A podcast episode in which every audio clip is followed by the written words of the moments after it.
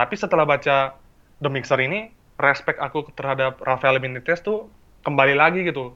Dia punya segala sesuatu yang golnya tuh memenangkan pertandingan aja gitu.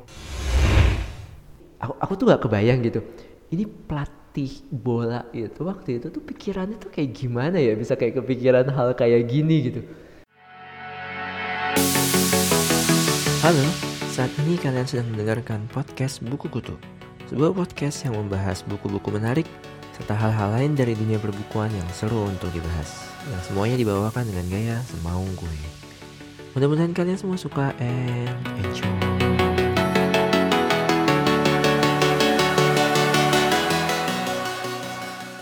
Halo guys, ketemu lagi sama gue Ditya Hadi alias Ketua Baca Buku Dan kali ini gue kedatangan tamu yaitu seorang blogger buku yang juga penjual buku online yang namanya Mas Steven Stongan. Uh, kalian bisa cek uh, akun Instagram dia @satriabuku atau akun Twitter dia di @h23bc. Dan bersama Mas Steven gue akan ngebahas sebuah buku tentang dunia sepak bola yang judulnya The Mixer yang ini tuh dikarang oleh seorang jurnalis yang namanya Stephen Cox yang dia terkenal banget sama websitenya at Zonal Marking. Sebelumnya gue mau minta maaf karena kualitas suara yang mungkin rada mendengung karena gue rekaman di sebuah ruangan yang tanpa kedap suara. Tapi gue harap kalian masih bisa menikmati karena nggak jelek-jelek amat lah. Lumayan menurut gue. Gimana sih keseruan obrolan gue sama Mas Steven? Langsung aja kita dengerin obrolan kita berdua berikut ini. Ya, halo semua uh, pendengar podcast Buku Kutu. Nama saya Steven Sitongan, biasa dipanggil Steven, blogger buku di Haremi Book Corner. Oke, selain blogger juga ini ya, apa? Jualan buku Jualan online. buku online. Iya, iya. Udah berapa lama sih mas? Udah hampir dua tahun, hampir dua tahun tahun ini. Hampir dua tahun, wow. Nah itu emang awalnya kepikiran buat itu karena emang ngelihat di, mas di Ambon kan ya? Iya betul. Uh, di ngelihat di Ambon itu kayak ada ada ada berapa toko buku di sana? Ada dua. Pertama yang pasti Gramet, yang kedua tuh toko buku swasta gitu. Maksudnya apa sih alasannya akhirnya kayak oh oke gue mau jualan buku juga ah di sini kayak gitu. Yang pertama tuh karena waktu aku balik dari Jogja gitu kan, kesel gitu, nggak ada akses buku sama sekali gitu. Buku yang aku pengen dibelinya dari toko buku agak jauh gitu. Terus nggak update di Gramet pun ada kemahalan gitu biasanya. Istilahnya akhirnya beli buku online, belanja online gitu. Kemudian kenapa nggak kalau buku-buku yang aku punya nih, aku buka toko buku online, meniatkan diri selama beberapa minggu, beberapa bulan. Tapi yang paling utama tuh ini, aku pengen ngenalin buku-buku terbitan margin kiri untuk pembaca di kota Ambon. Berarti dari kuliah itu emang udah suka baca buku. Dari sejak kuliah udah senang baca non-fiksi gitu, tapi semenjak turning point-nya pas beberapa tahun skripsi gitu, masuk BBI, Blogger Buku Indonesia, jadi lebih luas lagi bacaannya, Mas. Oke, sekarang kita mau ngomongin sebuah buku nih. Jadi uh, Ya, buat pembaca yang belum tahu, kita tuh udah janjian sebenarnya aku sama Mas Steven buat ngobrolin sebuah buku yang menarik banget. Judulnya itu The Mixer: The Story of Premier League Tactics from Route 1 to False Nines. Ini dikarang False oleh Nines. ya False Nines. Ini dikarang oleh Michael Cox. Nah, seperti judulnya ya, ini kan Premier League berarti akan ngomongin soal sepak bola karena gua sama Mas Steven kita sama-sama suka bola. Nah, mungkin Mas Steven bisa jelasin ke pendengar kalau apa sih yang menarik, apa sih yang spesial dari buku ini ke- sampai kayak Mas Steven tuh tertarik buat beli dan baca buku ini gitu. Mhm. Di akhir tahun lalu tuh The Mixer kan sempat di-mention ya sama beberapa pandit gitu. Tapi yang paling menakjubkannya dari buku ini adalah buku ini itu sebuah pewahyuan gimana Liga Premier Inggris berkembang dari liga yang anta beranta ya istilahnya ya, yang dibilang stadionnya penuh orang-orang kumuh, yang ditonton oleh orang-orang kumuh, berubah menjadi industri miliaran dolar gitu ya, menjadi industri hiburan dalam tanda kutip terbaik setelah NFL-nya Amrik. Ya, ya, Tapi ya. tapi yang paling yang paling bikin menariknya ini si Michael Cox, dia kan penulis sekaligus analisis kawakan ya. Kita tahu di zone at zonal marking itu adalah bagaimana The Mixer ini menyajikan hal-hal yang sangat terperinci membahas perkembangan dari musim ke musim selama 25 tahun berjalannya IPL dari tahun 92 sampai terakhir tahun lalu bagaimana strategi bagaimana para, para pemain itu yang metamorfosis Liga Inggris yang jadul menjadi industri yang luar biasa. Keren lah. Ya, ya, ya. Jadi emang Michael Cox-nya ini kan penulis atau jurnalis yang emang dia nulis juga di Guardian kalau nggak salah ya.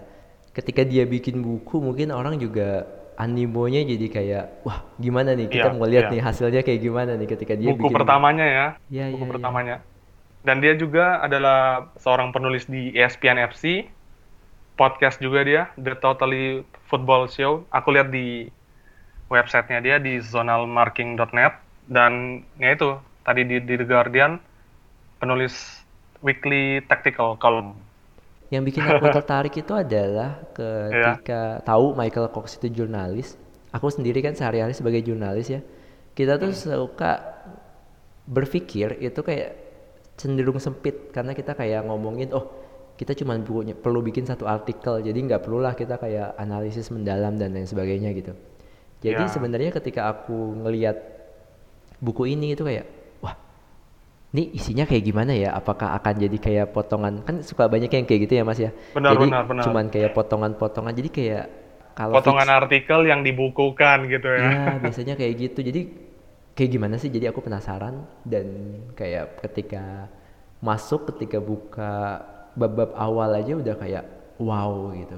Karena langsung bab awal langsung dikasih eh, pembahasan tentang perubahan aturan back pass Iya, iya. yang itu ternyata aku pikir sederhana ya karena aku juga penikmat sepak bola cuman mungkin emang aku nggak terlalu kayak pandit-pandit wah ternyata gini ya sebegitu besarnya pengaruh aturan back pass Di tahun itu kan kalau nggak salah Piala Dunia juga kan, makanya Iya. waktu itu Piala Dunia yang paling yang paling garing ya katanya ya. nah mungkin Mas Steven bisa kayak jelasin dikit apalagi sih hal menarik yang Mas Steven kayak tangkep dari buku ini gitu Yang aku tangkap dari buku ini adalah bagaimana Michael Cox-nya itu membangun narasi yang betul-betul memukau gitu. Ibaratnya gini, ibaratnya gini. Kayak dulu kan tahun era 2000-an ya, era 2000-an kalau nggak salah, media-media cetak sepak bola tuh kayak harian bola, harian soccer. Tapi ini dua kali lipatnya lah. Bahkan bisa dikatakan ini benar-benar kayak semacam pewahyuan gimana sepak bola tuh nggak sekedar skor yang tercetak di harian bola yang terbit Selasa Kamis yang setelah kita tahu pertandingannya cuma berakhir ajek 0-0 atau 0-1 tapi ternyata di balik 0-1 permainan yang bergulir itu nggak sesederhana yang tercetak di berita-berita bola gitu. Itu menurut aku. Terus yang kedua yang Michael Cox sampaikan ke pembaca lewat bukunya ini membawa kita langsung ke arena berhasil membangun theater of mind pembaca ke arena sepak bola dan dia bisa memberikan analisa-analisa mendalam kenapa sih sampai si manajer ini melakukan perubahan taktik seperti ini? Kenapa sih klub Newcastle waktu zaman awal-awal itu bisa luar biasa bisa istilahnya disegani banget ya? Trio Iya, iya, SAS kalau nggak salah namanya itu. Ya, Eh, aku sih setuju banget ya karena aku ini kayak bing bingung sekaligus takjub sekaligus penasaran sebenarnya bagaimana sih caranya si Michael Cox ini nyusun eh, buku ini Bukunya? gitu. Iya, karena eh, kayak dia cerita soal eh, Eric Cantona gitu kan, dia masuk ke Manchester United gitu.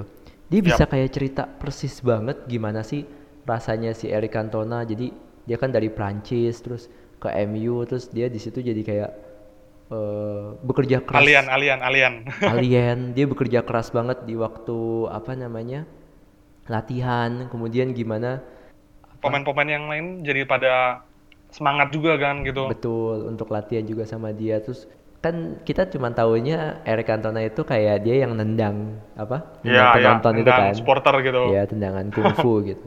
Tendangan kungfu. Iya, di buku ini tuh kayak diceritain banget kalau eh, mungkin kita heran, ih ngapain sih orang eh, pemain bola nendang kayak gitu dan dia sampai kayak kan Iya, akhirnya dia iya. di scores yang itu kayak menghancurkan total Ah, karir iya, sepak iya. bola dia gitu kan.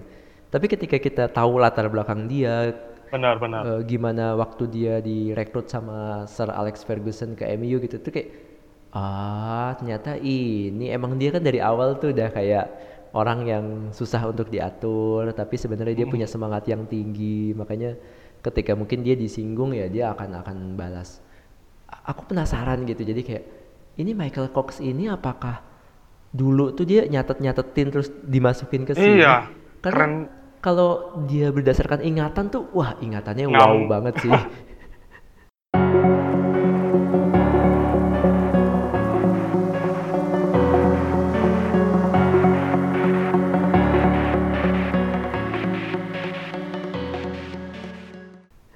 aku tuh ya. Sekarang tuh kalau setelah baca buku ini tuh nonton bola itu tuh beda banget. Jadi kayak ah nonton bola oh ya udah ada hiburan gini-gini. Tapi kayak oh sekarang tuh jadi kayak mulai memperhatikan oh gini ini kayak back tuh nyusunnya kayak gini kemudian gimana karakter dari pelatihnya masing-masing kan juga berperan juga kan ternyata Benar, nggak benar, semudah benar. nggak semudah kita main football manager gitu kan tinggal Nah, pasang-pasang nah doang. itu uh-uh. fans bola sama fans sama pemain FM tuh harus baca buku ini pokoknya. Iya iya iya mungkin aku mau ini deh mungkin takutnya pembaca tuh kayak eh, apa pendengar kayak bingung sebenarnya aduh ini bukunya kayak gimana sih bentuknya gitu aku mau coba kasih gambaran jadi Yap, buku yap. ini tuh terbagi menjadi delapan bagian jadi Iya, depan fase. Ya, delapan fase. Yang pertama itu awal, ini ngomongin soal tadi dibilang trio SAS dari Newcastle dan beberapa sosok yang bikin Liga Inggris itu jadi menarik di awal-awal tahun 92, termasuk juga tadi Eric Cantona, termasuk juga tadi perubahan aturan back pass gitu ya. Kemudian barulah muncul technical progress disebutnya bagian kedua. Ini ngomongin tentang beberapa pemain yang kayak punya kecepatan, kemudian bagaimana Arsenal waktu itu juga eh, cukup mendominasi. Kemudian ada part 3 yang judulnya expansion ngomongin soal bagaimana banyak pemain asing yang akhirnya masuk ke Liga Inggris dan akhirnya bikin Liga Inggris tadi disebutin sama Mas Stephen kalau ini jadi kayak hiburan tadi nomor 2 ya setelah NFL. Kemudian part keempat ada universality. Nah ini ngomongin waktu Arsenal invincible nggak kalah dalam satu musim. Kemudian juga ada peran dari seorang pemain yang namanya Makalele. Sekarang tuh kayak ada kalau apa namanya defensive midfielder itu sering disebut dengan Makalele role gitu kan. Iya. Kemudian ada reaktif strategi, pengaruh dari Iberian. Kemudian bagaimana ada pemain-pemain yang nggak pakai strategi tapi langsung nyerang-nyerang aja kayak Cristiano Ronaldo gitu kan. Kayak Iya, iya. ada juga kayak pemain Stock City namanya Delap. Delap ini punya apa? Punya Special ability. special ability yang unik banget yaitu lemparan ke dalam yang itu bisa langsung jadi mungkin lebih lebih berbahaya daripada tendangan sudut ya ya itu itu Jadi assist. iya bisa jadi asis kemudian part tadi part ke-6 kemudian ke part 7-nya itu ada pengaruh dari pelatih-pelatih Itali iya. kemudian juga pelatih Spanyol yang di awal kemudian waktu itu ada juga kayak si siapa? Eh, Pep Guardiola dan orang-orang yang kayak bermazhab sama-sama kayak dia ngomongin tiki taka. Kemudian terakhir baru ini yang baru-baru banget ngomongin juaranya Leicester kemudian Liverpool waktu zamannya Brendan Rodgers ya dan ya akhir-akhir lah sampai eh, baru kayak setahun dua tahun yang lalu gitu melanjutkan obrolan kalau Mas Steven sendiri ada klub khusus nggak klub jagoan nggak di Liga Inggris Uh, ada, ada. Cuma ya itu, aku off record ya, jangan sampai dibully ya. Oh enggak enggak enggak bakal soalnya, dibully. soalnya karena ini kan di di SoundCloud-nya ngomongnya klub favoritku nih nggak menang berdasarwarsa gitu. Oh, oh. oh baca Oke, oke. juga ya komen aku di tempat lain itu ya. iya iya. Oke oke. Uh, ini yang on recordnya saya pendukung Liverpool, Reds. Liverpool. Oke, sip. Berarti kita lumayan bersaing lah ya di papan tengah. Kalau saya pendukung Kalau Mas Adit, Arsenal, Mas Adit, kalau yang belum tahu, saya pendukung Arsenal. Tapi ini gak sih Mas, kan Liverpool nih ya. Di sini juga Iya, diceritain berbagai macam soal Liverpool gitu. Jadi kayak berubah gak sih sudut pandang Mas tentang Liverpool yang hingga Iya, saat iya. ini dan setelah baca buku ini gitu? kerasa banget ya, kerasa banget. kalau boleh nyombong nih ya, Iya, kalau boleh iya. nyombong nih, hampir seperdua buku The Mixer ini, titik sentralnya tuh Liverpool loh mas. Iya, bukan iya, iya. bukan nyombong, bukan nyombong ya. Tapi benar-benar dari eh, di bab kelima, di bab seterusnya gitu, waktu Rogers reversal, Hmm. itu titik sentralnya kalau aku lihat-lihat itu dari Liverpool. Sepak terjangnya Liverpool tuh di dibuka-buka habis-habisan lah sama Michael Cox ini. Tapi yang benar-benar bikin paradigma aku berubah itu pertamanya gini. Kan karena kemarin tahun lalu baca buku biografinya Steven Gerrard kan. Nah, yang diterbitin sama KPG. Terima kasih KPG. Si Captain The Reds ini kan ngomong dia punya hubungan yang nggak terlalu intim lah sama Rafael Benitez kan. Iya. Dia bilang sosok Benitez nih sosok yang dingin, sosok yang istilahnya bukan human lah. Istilahnya meskipun performa dia sebagus apa pun nggak bakal dipuji sama Benitez. Oke. The call the call eyes lah gitu lah. Tapi setelah baca Gerrard, oh Benitez nih nggak se nggak se ini yang aku bayangkan ternyata kayaknya di mata kaptennya aja tuh nggak nggak terlalu istilahnya dalam tanda kutip nggak terlalu bernilai gitu ya dibandingkan mungkin kalau sosoknya Brendan Rodgers kan memang dia punya eh, komunikasi yang lebih bagus daripada pelatih yang lain tapi setelah baca The Mixer ini respect aku terhadap Rafael Benitez tuh kembali lagi gitu ke Hmm. tahap yang semula. Karena si Rafael Benitez nih benar-benar apa ya kalau bisa dibilang tuh sosok master taktik gitu. Dia punya segala sesuatu yang golnya tuh memenangkan pertandingan aja gitu. Waktu 2004 Liverpool kedatangan dia dari dia Valencia kan Mm-mm. itu seben kalau kita lihat dari narasinya Michael Cox, aku baru tahu sebenarnya skuadnya Liverpool waktu mereka menang Liga Champion pun Mm-mm. itu sebenarnya pas-pasan loh itu. tapi tapi tapi si Michael Cox-nya bilang gini, Rafael Benitez tuh bisa mengubah skuad pas-pasannya Liverpool ini menjadi tim yang berbeda ketika malam-malam Eropa. Gila. Hmm. Itu yang bikin aku kembali lagi respect kepada Rafael Benitez dan so what gitu kalau misalkan nggak terlalu bagus relasinya dengan kaptennya sendiri. Jadi kayak aku aku aku suka banget yang ketika dia jelasin ini dulu kan klasik ya Inggris itu ya 442 gitu kan. Iya, kick and rush, Kick kick, and and rush. rush gitu. Namanya sayap gitu, sayap sama fullback itu di pinggir ya dia pasti kalau dia sayap kanan pasti kaki kuatnya itu dia ditendangnya pakai kaki kanan gitu kan karena dia harus tendang crossing gitu. Kalau Iya. yang di sayap kiri pasti kiri, tapi itu kayak berubah gitu seiring berjalannya waktu. Akhirnya ada beberapa pelatih yang justru naruh pemain yang pakai kaki kanan tapi di sayap kiri gitu. Biar dia kayak ketika di depan kita biasa nyebutnya istilahnya sekarang inverted winger gitu kan.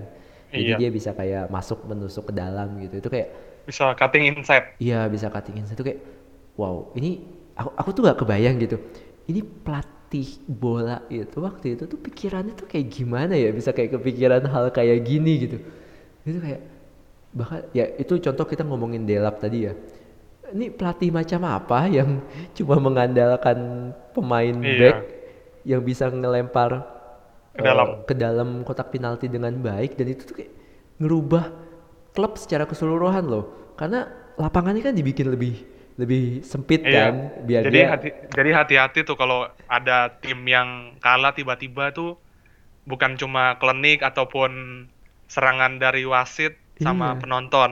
Hati-hati. iya bahkan stok kan si Delap ini dari Stock City kan lapangannya dibikin kecil terus ball boy ball boy yang di Iya, pinggir iya. lapangan itu mereka semua nyiapin handuk buat kayak biar gak licin bolanya. Bahkan kalau dia bertanding di kandang lawan itu bajunya dia tuh kayak ada ada ada apa bahan yang buat nyerap air biar bolanya tuh nggak licin. Itu kayak wow banget sih. Ini kayak klub sampai kesampaian ya iya gitu. nih pelatih macam apa gitu yang yang yang mikir kayak gini. Tapi itu efektif gitu kan.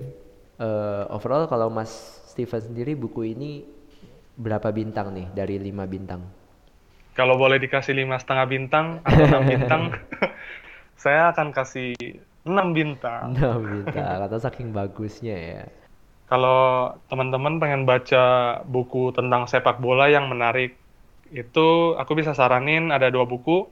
Yang pertama ada The Manager, Inside the Minds of Football's Leaders dari Mike Carson. Terus Oke. yang kedua ditulis oleh orang Indonesia, Yusuf Arifin. Judulnya itu Dongeng dari Negeri Bola.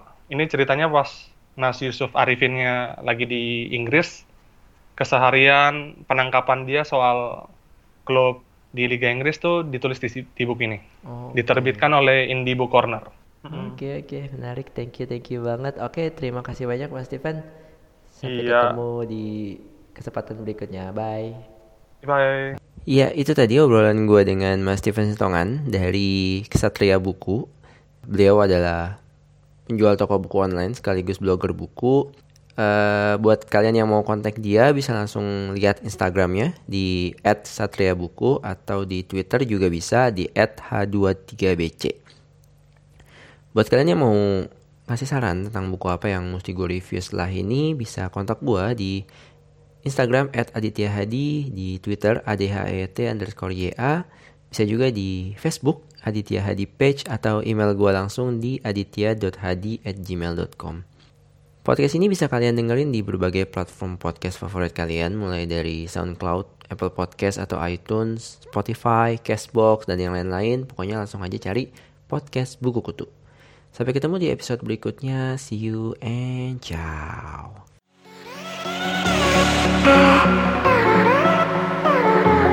Oh.